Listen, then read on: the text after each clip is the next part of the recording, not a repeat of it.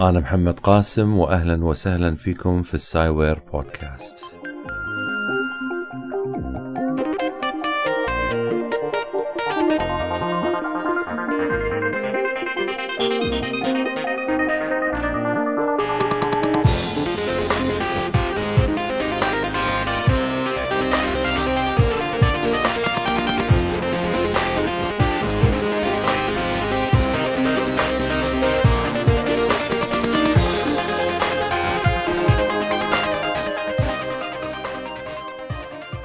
انتهى فارس من تقديم محاضرته عن اتساع الكون أمام علماء من كواكب متفرقة في الكون بعد بث مباشر عبر الفضاء وبعد تداول سريع من العلماء على الموضوع أتت نتائج تقييم المحاضرة على أنها خيال باللغة العربية imagination باللغة الإنجليزية وشانغ شانغ لي بالصينية وبجميع اللغات الكونية الأخرى.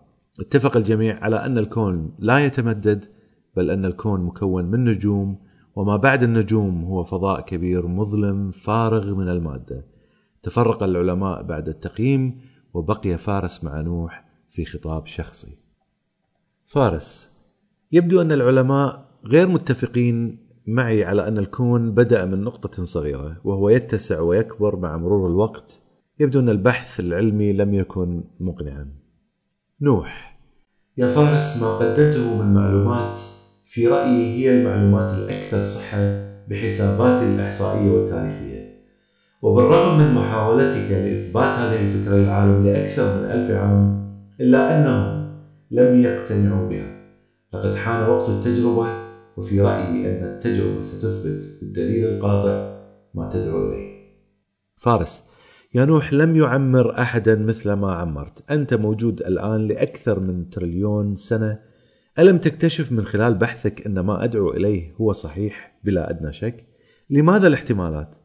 أليس من المفروض أن تكون تريليون سنة كافية؟ نوح هو كمبيوتر شخصي صنع قبل تريليون سنة لا أحد يعرف من صنعه ولا أحد يعرف كيف تطور خلال تلك الفترة ولكنه كمبيوتر يغذي الكون كله على الأقل الكون الذي اعتاد أن يراه الناس من نجوم وفضاء مظلم نوح. لقد جمعت المعلومات على مر الأزمان وعلى مدى التريليون سنة السابقة ووجدت أن أصول الإنسان ترجع إلى كوكب يسمى بكوكب الأرض في هذه النقطة من النجوم. شغل نوح شاشة ثلاثية الأبعاد أمام فارس فكانت الصورة مليئة بالنجوم وهي تدور حول مركز نجمي. ضخم نوح الصورة ليصل إلى المجموعة الشمسية فأراه مكان الشمس ومكان كوكب الأرض. كانت تلك هي الأرض قبل أن يتم تدميرها بالشمس التي تحولت إلى نجم قزمي وأكمل نوح. في ذلك المكان كانت هذه النجمة القزمية تسمى بالشمس وكانت هناك عدة كواكب تدور حولها. ولكن بعد ثمانية مليارات سنة كبرت هذه الشمس لتبلع ذلك الكوكب. أما البشر فقد انتقلوا قبل ذلك ليستعمروا الكون كله. المشكلة في ذلك كله أن عمري لا يتجاوز التريليون سنة. أما بحسب إحصاءاتي فإن تلك الأرض تعود لأكثر من تريليونين سنة في الماضي. لذا فتنقصني معلومات تريليون سنة. وفي تلك الفترة يختلف الكون عن شكله الحالي تماما. فارس هذه القصص معروفة شعبيا لكن ليس هناك دليل واضح غير قصصي يمكن الاستناد عليه للتأكيد على هذه القصة. وربما كانت هذه هي مشكلتي في طرح البحث.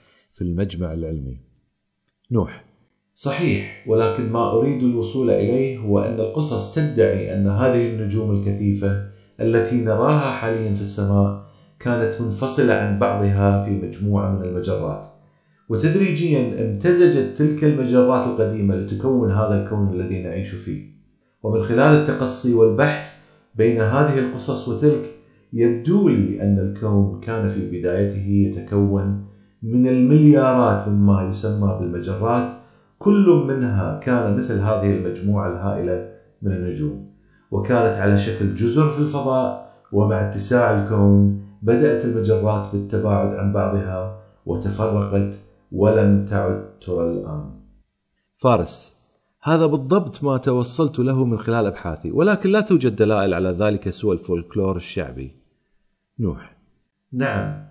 ولذلك سأقوم بتجربة علمية تثبت أو تدحض صحة ادعاءاتك.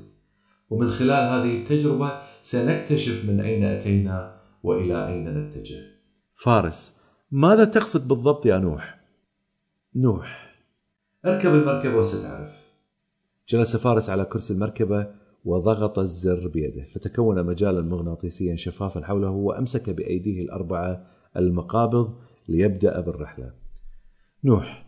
اترك المقابض دع القيادة لي سآخذك إلى مركز الكون الآن.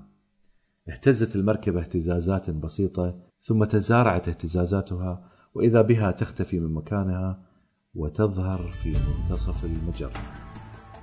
نوح. الآن يا فارس سأريك شيئا لم تره في حياتك من قبل.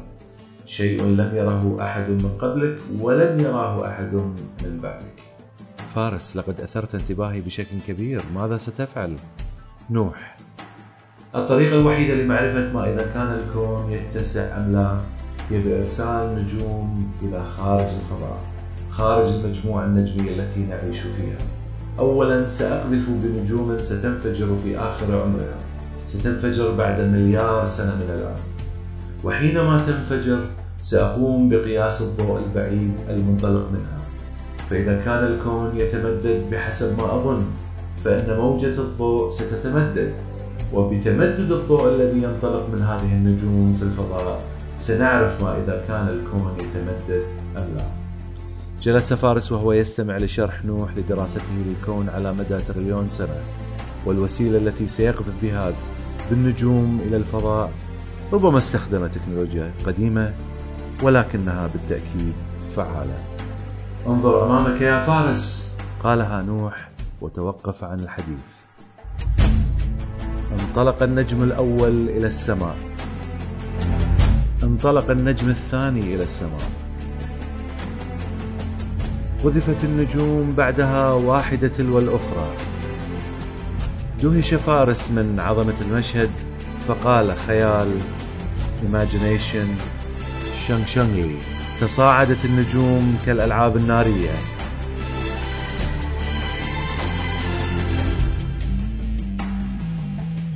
انحنى فارس واستقر في كرسيه ونظر إلى السماء وتأمل وعلم أن الأجيال القادمة بعد ملايين السنين ستفهم ما كان يدعو له.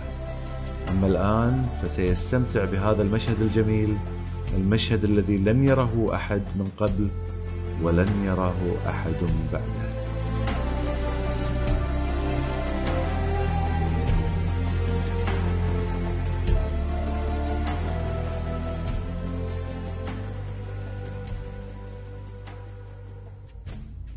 من المهم قبل أن أبدأ بالتحدث عن المادة الداكنة والطاقة الداكنة في الكون أود أن أشرح القصة. صحيح إنها خيالية ولكنها تعتمد على حقائق علمية مثيرة وقد اقتبست الفكرة مو القصة، القصة من تأليفي لكن الفكرة اقتبستها من كتاب كون من لا شيء A Universe from Nothing للعالم آه، لورنس كراوس. أحداث القصة تدور بعد تريليوني سنة من الآن. لماذا تريليوني سنة؟ لأن بعد مرور هذا الوقت الهائل اللي لا يعتبر شيء في عمر الكون المستقبلي في هذا الكون الهائل الضخامة الدائم الاتساع ستكون المجرات المختلفة بعيدة عن مجرتنا إلى درجة أنه لا يمكن أن ترى. الكون يتمدد بشكل متعجل وبحسب ما ذكر لورنس كراوس في الكتاب فإننا سنكون نحن في مجرة واحدة وهذه المجرة ستكون مكونة من المجموعة من المجرات اللي حولنا.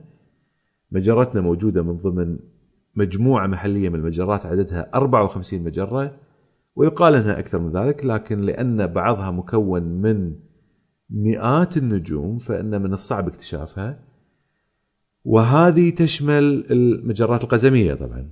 أوكي ف اذا إحنا في مجموعة محلية من المجرات عددها 45 مجرة وأكبر مجرتين في هذه المجموعة المحلية هما مجرة درب التبانة ومجرة الأندروميدا. وستندمج هذه المجرات كلها مع بعضها لتكون مجرة واحدة، والمعروف أن مجرتنا هي في وجهة تصادم مع مجرة الأندروميدا. وسيحدث هذا بعد حوالي خمسة مليارات سنة. وتندمج هاتين المجرتين مع بعضهم البعض ومع الوقت ستندمج المجرات الباقية في المجموعة المحلية كلها أما باقي المليارات من المجرات واللي تعتبر خارج مجموعتنا واللي هي بعيدة عنا فإنها ستتباعد أكثر وأكثر إلى أن تصبح غير قابلة للمشاهدة. سيبدو وكأنما الكون عبارة عن مجموعة من النجوم والتي هي مجموعة من المجرات المحلية في كتلة واحدة في وسط ظلام دامس. العلماء استطاعوا أن يعرفوا اتساع الكون من خلال مراقبتهم للمجرات الغير محلية. وعلموا أنها تتباعد عن بعضها باستخدام الضوء المنطلق منها. لأن الضوء الآتي من المجرات المتباعدة يتمدد فيحصل انزياح للون الأحمر وهذا طبعا موضوع أنا راح أتحدث عنه في الحلقة القادمة بوضوح أكبر. ولكن في المستقبل كيف سيعرف العلماء أن الكون يتسع لما تبتعد هذه المجرات بدرجة كبيرة جدا؟ إذا كانوا هم اليوم معتمدين على هذه المجرات البعيدة لمعرفة أن الكون يتسع فكيف سيعلمون أن الكون يتسع إذا تباعدت هذه المجرات بحيث لا يمكن أن يراها أحد. المشكلة أن الضوء ستكون طول موجته كبيرة جدا إلى درجة أنه لا يمكن رؤية المجرات الأخرى لمعرفة ما إذا كان الكون يتسع أم لا. هذا الاتساع يعتمد على الطاقة الداكنة اللي تدفع المجرات ومجاميع المجرات عن بعضها البعض. أما المجرة بحد ذاتها لا تتسع ولا تتمدد. أي أن الطاقة الداكنة اللي تدفع الكون للاتساع لا تؤثر على مكونات المجرات الداخلية كما تؤثر على المجرات ومجاميع المجرات ككتل متكاملة. فهي متماسكة بسبب المادة الداكنة وسيأتي الحديث عن هذا التماسك في هذه الحلقة. وإذا لم يعرف العلماء المستقبليون أن الكون يتمدد كيف سيعرفون أنه بدأ من انفجار عظيم؟ كل الدلائل على هذا الاتساع وهذا الانفجار ستمحي من الفضاء. وستبقى هناك مجموعة من الكواكب والنجوم بداخل مجرة واحدة وسترجع الأمور كما كانت من قبل أن نعلم بوجود مجرات متعددة حيث أن العلماء قبل أن يكتشفوا أن الكون يتسع كانوا يعتقدون أن الكون كله لم يكن إلا مجموعة من النجوم في الفضاء الخارجي. ولذا فإن الطريقة الوحيدة برأي لورنس كراوس لمعرفة اتساع الكون هي بالضبط ما ذكرته في القصة وهي أن يقوم البشر في المستقبل البعيد بإرسال نجوم في نهاية عمرها إلى الفضاء وأقصد بنهاية عمر النجم أنها أنه النجم هذا سينفجر انفجارا نيوترونيا هائلا لماذا؟ لأن حينما تقذف هذه النجوم في السماء طبعا باستخدام تكنولوجيا متطورة جدا وتسافر بعيدا عنا ثم تنفجر انفجارا نيوترونيا فإن هذا الانفجار سيضيء السماء بشدة كافية بحيث يمكن مشاهدة هذه النجوم من بعيد. ومن خلال حركتها في السماء وتباعدها يمكن قياس سرعة اتساع الكون ويمكن بعد ذلك الافتراض أن الكون ابتدأ من نقطة صغيرة إذا ما قلبنا اتجاه اتساع الكون. اذا على هذا المبدأ اعتمدت القصة وإن كان هناك الاحتمال أن حضارة البشر بعد تريليوني سنة من الآن ستكون متطورة بما فيه الكفاية وأن لديها القدرة والأدوات لاكتشاف حقيقة الكون بطرق آه، لا نستطيع حتى أن نحلم فيها. فكما أن لا يمكن لأي فلكي قبل 500 سنة بس أن يتنبأ بالثورة التكنولوجية اللي مكنتنا من فهم الكون بطريقة لم يفهمها ولم يشرحها بهذا التفصيل أحد من قبل. لا يمكن أن نتنبأ بدقة كيف ستكون هذه الحضارة المستقبلية. بالتعاون مع شبكة أبو نواف أقدم لكم هذه الحلقة من ال Sciware Podcast. شبكة أبو نواف تقدم مواد ترفيهية وأخرى هادفة. ولاهتمامهم بتقديم مواد مفيدة وبناءة ترسل لكم ال Sciware Podcast من ضمن باقتها المنوعة ليصل البودكاست لمسامع أكبر عدد من أفراد العالم العربي.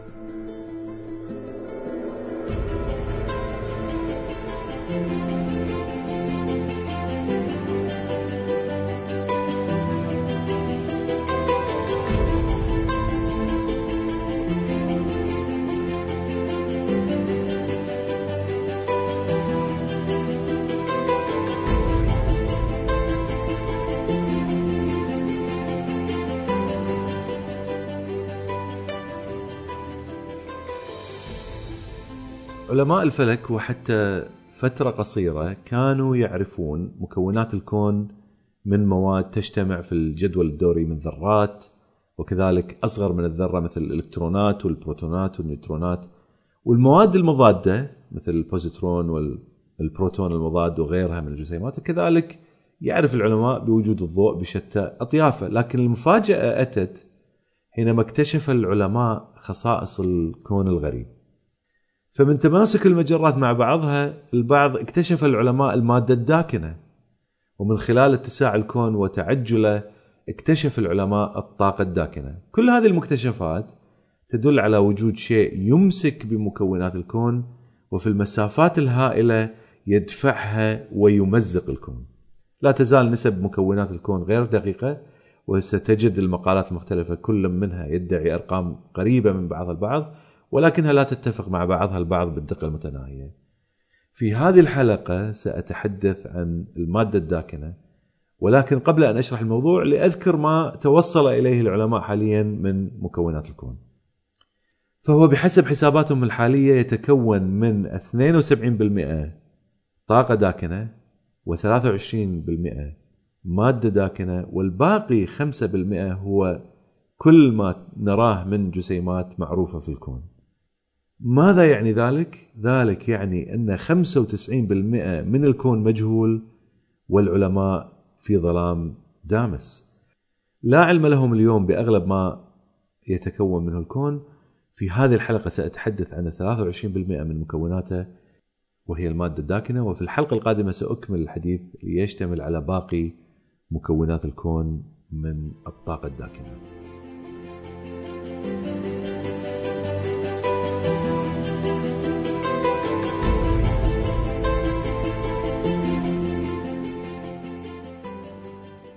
قبل أن ينتهي أينشتاين من إكمال النظرية النسبية العامة وفي سنة 1912 أراد أن يعطي العلماء طريقة لاكتشاف صحة نظريته اللي كان يعمل عليها.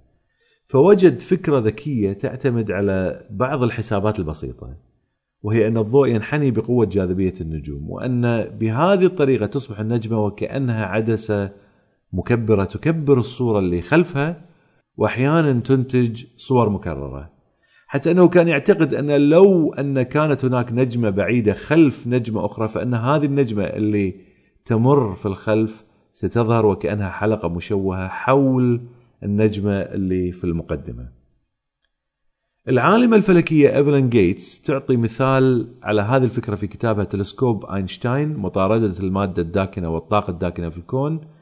Einstein's telescope The Hunt for Dark Matter and Dark Energy in the Universe تقول اكسر قاعدة كأس شراب ال wine الخمر الدائري.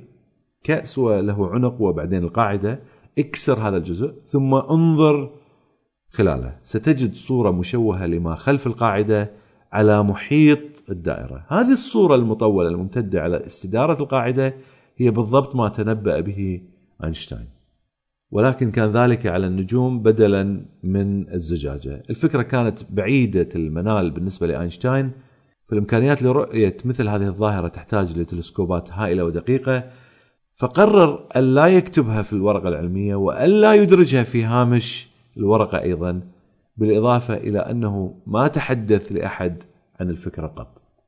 لما نشر أينشتاين النظرية النسبية العامة سنة 1916 لم تكن هناك أدلة تجريبية على صحة النظرية. هذه النظرية اللي آه، ما ظهرت أهميتها إلا بعد أن كشف عن صحتها سير آرثر أدينغتون حيث أبدى اهتماما كبيرا فيها وكتب فيها عدة مقالات تدعمها.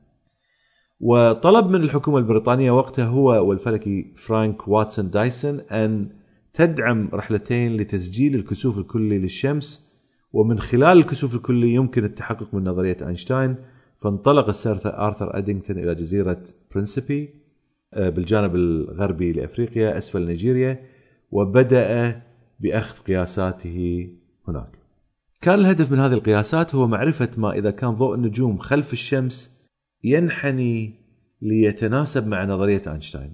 أرسى السير آرثر التلسكوب وانتظر اللحظة اللي تصبح الشمس فيها في حالة كسوف. ما هي أهمية الكسوف؟ الكسوف يغطي أشعة الشمس ومن خلال هذه التغطية يمكن رؤية النجوم لأن السماء ستكون مظلمة نسبيا. الآن لنتخيل الصورة اللي حاول أدينغتون الكشف عنها. تخيل لو أن هناك نجمة خلف الشمس. هذا يعني أن الشمس راح تغطيها ولن تستطيع أن تراها كما يعني لو أنك ترفع يدك أمام شمس حتى تغطي أشعتها. يدك ستغطي الشمس ولن ترى القرص. النجم يصدر الضوء في خطوط مستقيمة في جميع الاتجاهات فإذا كنت أمام الشمس مباشرة لن ترى الضوء الصادر من النجمة المار باستقامة من النجم إلى عينيك لأن الشمس عائق بينك وبين النجم. ولكن ماذا عن الأشعة اللي تمر بجانب الشمس اللي تطلقها النجمة من الخلف؟ هذه الأضواء ستمر بالشمس من غير أن تلحظها عينك أيضا لأنها تمر بزاوية بعيدة عنها. من الممكن أن تسقط على خدك مثلا وتحتاج لأن تحرك رأسك قليلا لتسقط هذه الأشعة مباشرة في العين.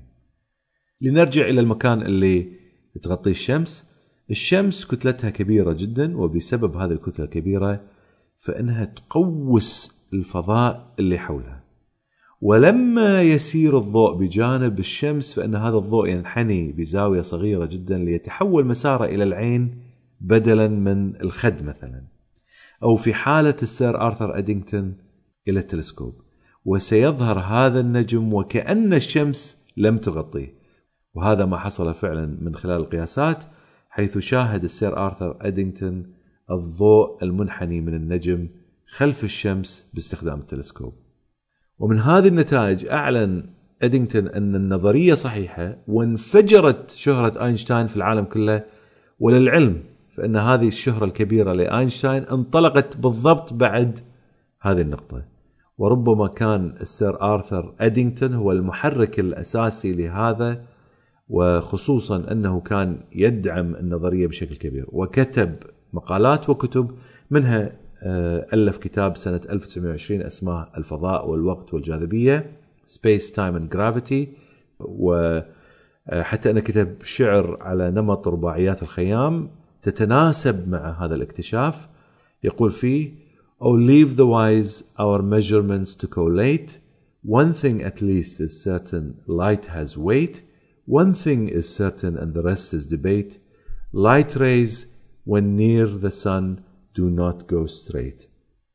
أنا الحين راح أترجم لك إياها لكن ترجمة آه، حرفية وليست بطريقة متناغمة شعرية. بس لتوضيح المعاني أترك للحكيم قياساتنا للتراكم. شيء واحد على الأقل مؤكد الضوء له وزن.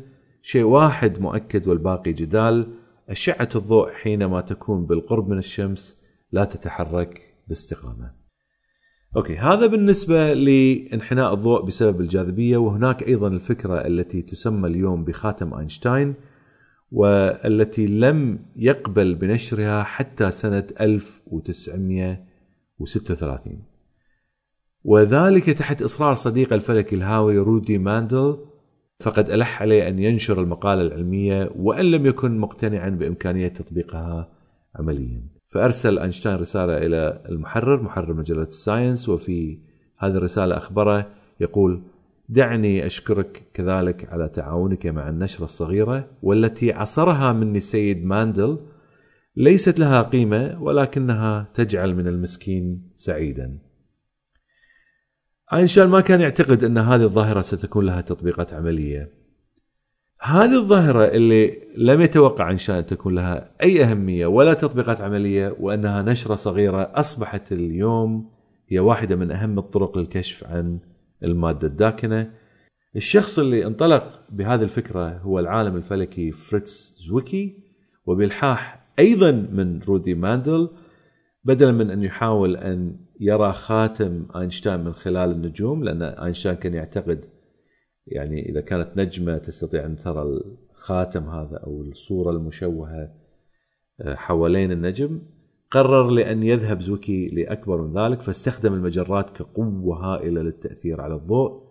فالمجرات ضخمة ولديها القدرة على إلواء الضوء بطريقة لا يمكن للنجوم أن تقوم بها بانفراد بشكل واضح.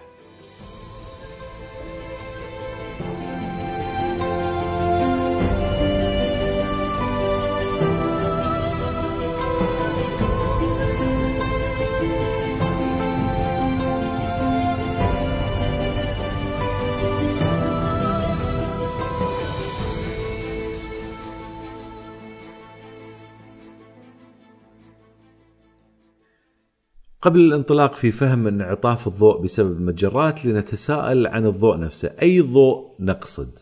ما هو الضوء اللي يبحث عنه العلماء؟ اكتشف العلماء الكويزرات أو اللي يسمونهم كوازرات سنة 1963 وهي أجسام مضيئة إضاءة شديدة ويعتقد أنها عبارة عن ثقوب سوداء فائقة الضخامة وتكون في وسط المجرات وبقوتها الهائلة في تحطيم النجوم اللي حولها وابتلاعها للغازات والنجوم تصدر بريق هائل في السماء ويرى هذا البريق على مدى مليارات من السنوات الضوئية وترى من المسافات الهائلة على أنها نقاط من الضوء وتبدو وكأنها نقاط مضيئة كالنجوم القريبة. لما تكون هناك مجرات هائلة أو مجموعة من المجرات بين التلسكوبات على الأرض وبين الكويزرات البعيدة فإن هذه المجرات أو المجموعة من المجرات تعمل كالعدسة اللي تعطف الضوء. وتكون هالة دائرية مشوهة حول هذه المجموعة من النجوم في المجرة لضوء الكويزرات البعيدة. إذا ما كانت هذه الكويزرات خلف المجرة في الوسط فستتكون حلقة أو خاتم كما ذكرت بالنسبة لقاعدة كأس الخمر. ولكن لما تكون هذه الكويزرات إلى الجانب من الخلف فإن صورة الكويزرات تتكرر عدة مرات بدلا من أن تصبح كالخاتم. وقد شاهد الفلكيين هذه الظاهرة واضحة وصوروا عدة صور لمجرات وحولها خاتم أينشتاين وهذا لا يدع مجال للشك أن المجرات تضغط على السماء وتقعرها بقوتها الهائلة لتلوي الضوء، ومن هنا تظهر فائدة المجرات فهي تعمل كالعدسة والعدسة هذه تكبر ما خلفها من المجرات الأبعد وتعمل كما أسمتها الفلكية جيتس تلسكوب أينشتاين. كيف يكون شكل هذه العدسة الكونية؟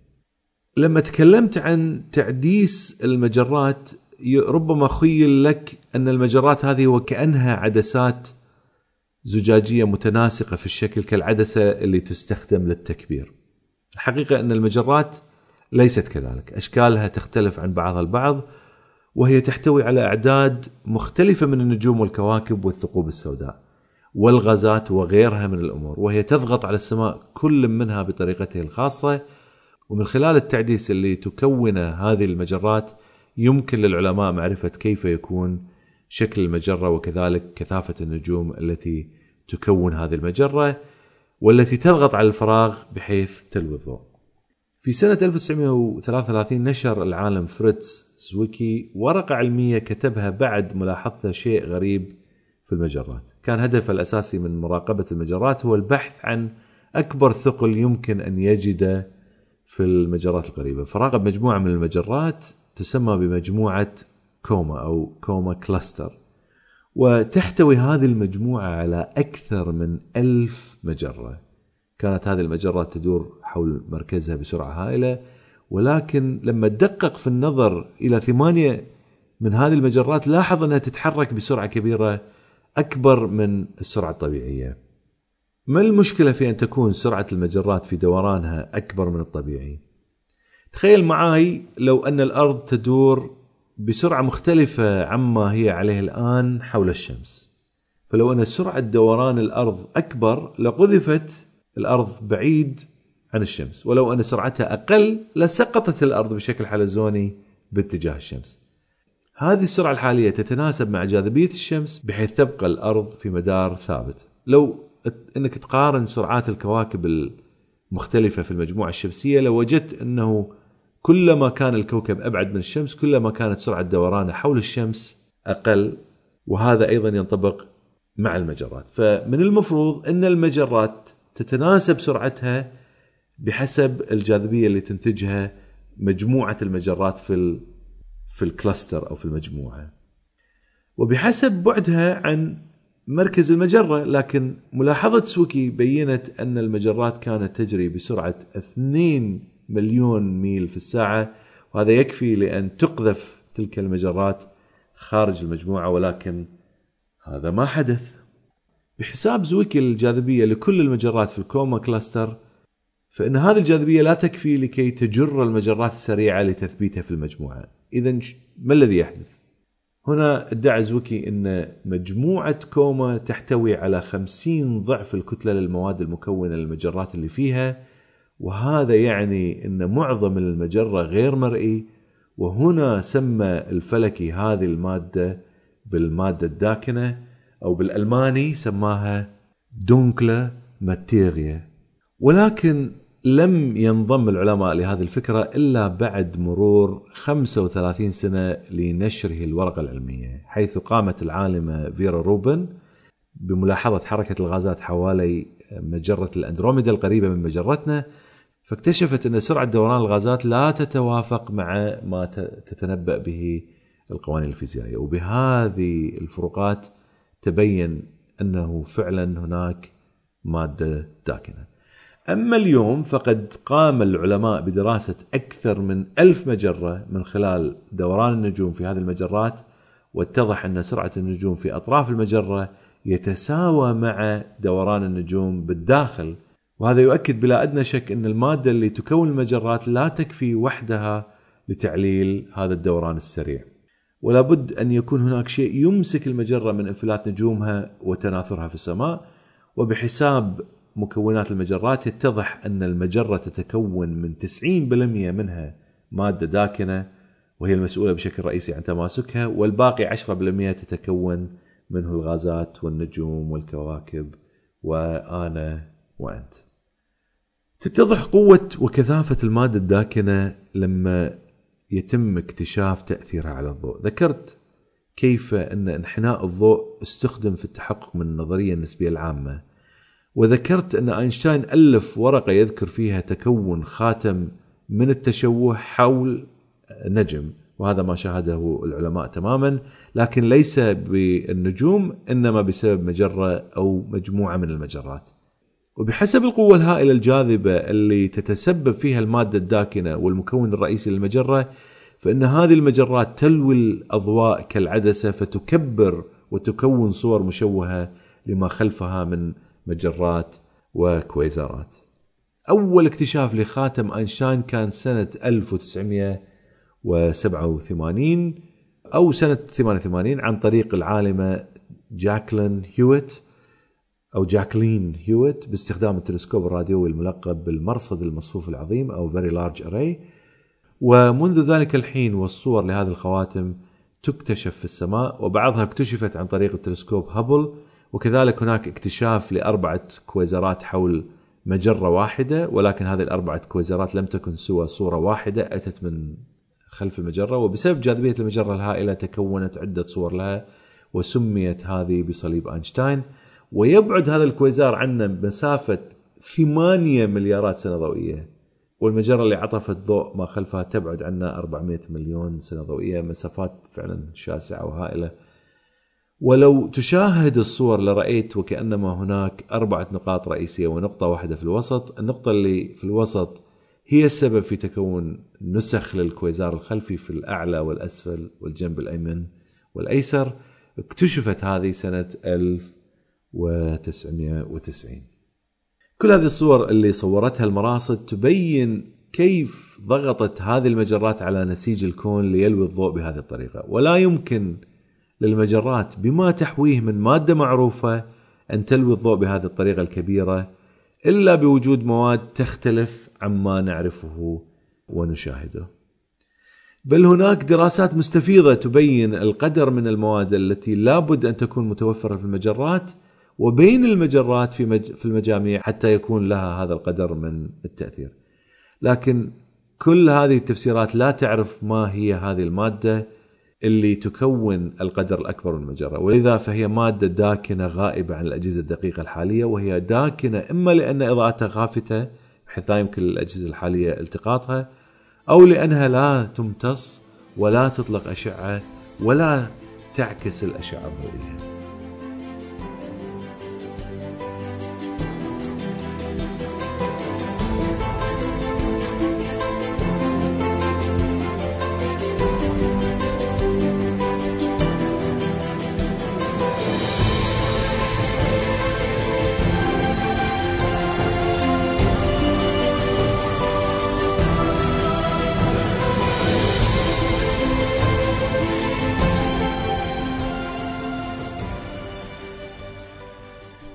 ماذا يمكن أن تكون هذه المادة الداكنة؟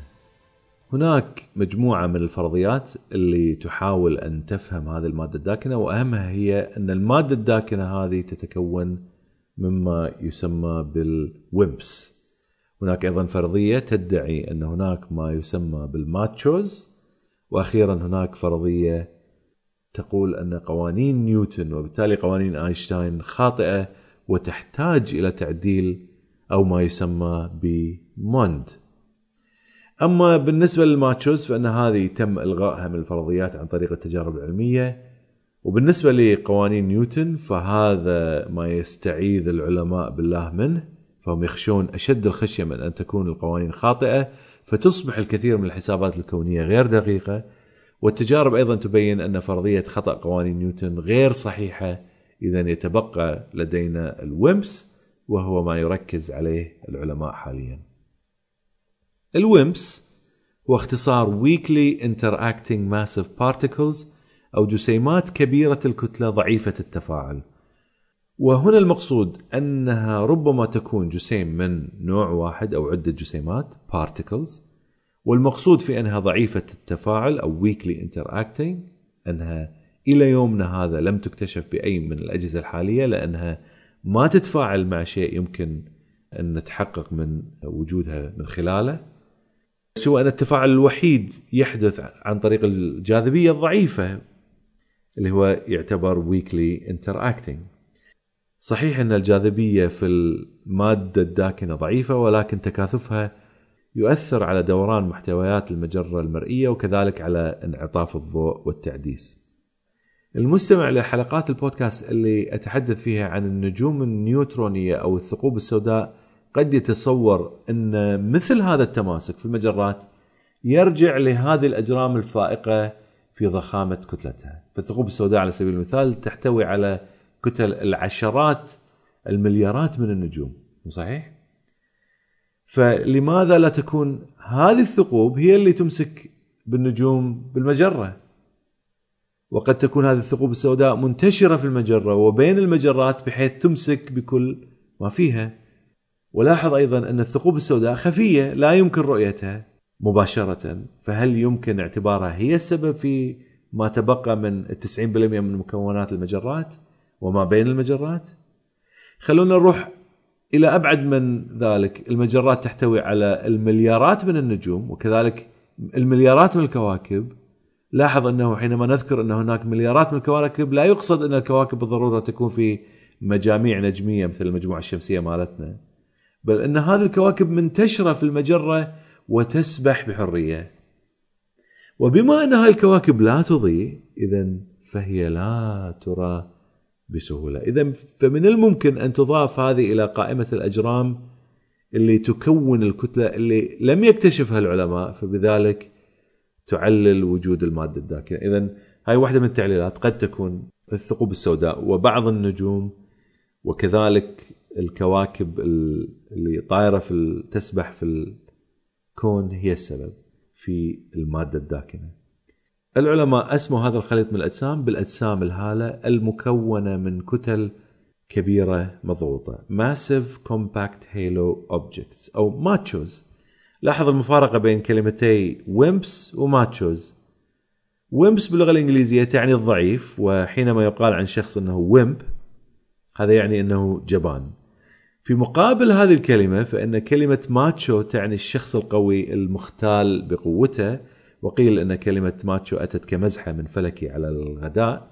طرح السؤال هل الكون يتكون من ال WIMPs الجبناء أو ال MACHOs وبقي هذا التعبير حتى بعد محاولة العالم آه، إنه يسحب هذه الكلمة. منذ سنة 1990 والفلكيين يبحثون عن هذه الأجسام الكبيرة MACHOs. ولكن كل الدلائل تشير أنه لا وجود لها. فقد استخدموا تلسكوبات وبطرق إحصائية دقيقة لم يكتشف أحد ما يدل على وجود مثل هذه الأجسام بكثافة كافية لتبرير جاذبية المادة الداكنة. وقد عملت عدة فرق على هذا البحث، الأول يتكون من الولايات المتحدة الأمريكية وأستراليا، والثاني فرنسي، والثالث أمريكي بولندي. ونظر العلماء إلى ما يقارب 34 مليون نجمة بنية قزمية لأكثر من ست سنوات ولم تكتشف الماتشوز بالنسب المطلوبة. حتى أن البحث عن هذه الأجرام توقف سنة 1999 وكذلك بحث العلماء عن الثقوب السوداء ولكن النتائج لا تدل على كثافتها الكافية. وكذلك بالنسبة للكواكب ليس هناك أي دليل على أنها هي المسؤولة.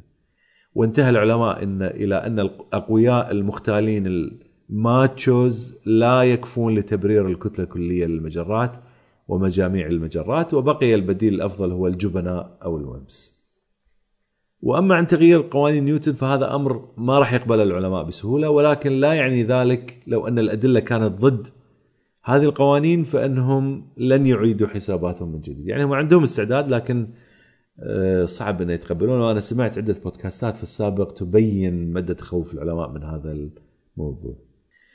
والدعوة لإعادة طريقة الحسابات تندرج تحت ما يسمى بموند Modified Newtonian Dynamics أو الديناميكية النيوتونية المعدلة. وتقترح أن يتم تعديل القوانين الجاذبية للأجرام بحيث لا تستخدم هذه الحسابات لمادة داكنة. يعني إلغي المادة الداكنة وعيد طريقة الحسابات بحيث أن تعطيك هذا التأثير في المجرة. لكن الدلائل الرصدية تشير إلى أن القوانين صحيحة وأن المادة الداكنة هي مادة حقيقية ولا حاجة لتعديل القوانين. مثال على هذا قام العلماء بدراسة تصادم مجموعتين من المجرات. حدث هذا التصادم قبل 100 مليون سنة في الماضي.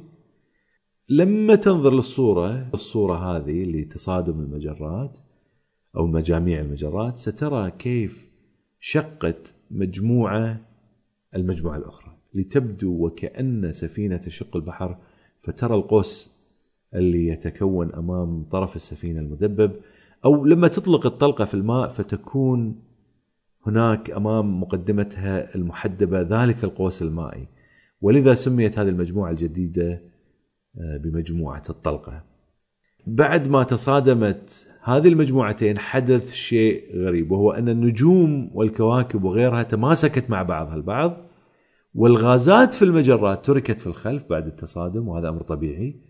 لكن لما تأتي لأبعد من ذلك بعيد عن مكان تصادم المجرتين ستجد أن المادة الداكنة انفصلت عن المجموعتين وكأن المجرات لها روح شفافة لنقل هالة بعد أن تصادمت خرجت تلك الهالة عن جسد المجموعتين. هذه الهالة لا يمكن مشاهدتها بالأجهزة، فكيف عرف العلماء بوجودها؟ في مكان آخر بعيد عن المجرات اكتشفوها من خلال التعديس، لاحظ العلماء أن الأماكن الخالية من المادة المعروفة وفي أثر المجرات انحنت الأضواء بسبب قوة جاذبية السماء المظلمة بلا وجود للغازات ولا وجود للأجرام الهائلة. فكيف يمكن لمكان معتم خالي من المواد أن يلوي الجاذبية؟ السبب اللي يفسر ذلك هو وجود مادة داكنة ولذا لا حاجة للتعديل على قوانين نيوتن. بعد أن ألغيت ال MACHOs وال MOND كأسباب لتأثيرات المادة الداكنة يتبقى عندنا ال WIMPs وهي جسيمات صغيرة بكتلة كبيرة تفاعلاتها ضعيفة. وهي بدرجة من الضعف في تفاعلاتها أنها تمر خلال الأرض وخلالي وخلالك بلا أدنى تفاعل مع مكونات أجسادنا. ولذا لا يمكن لنا اكتشافها بسهولة.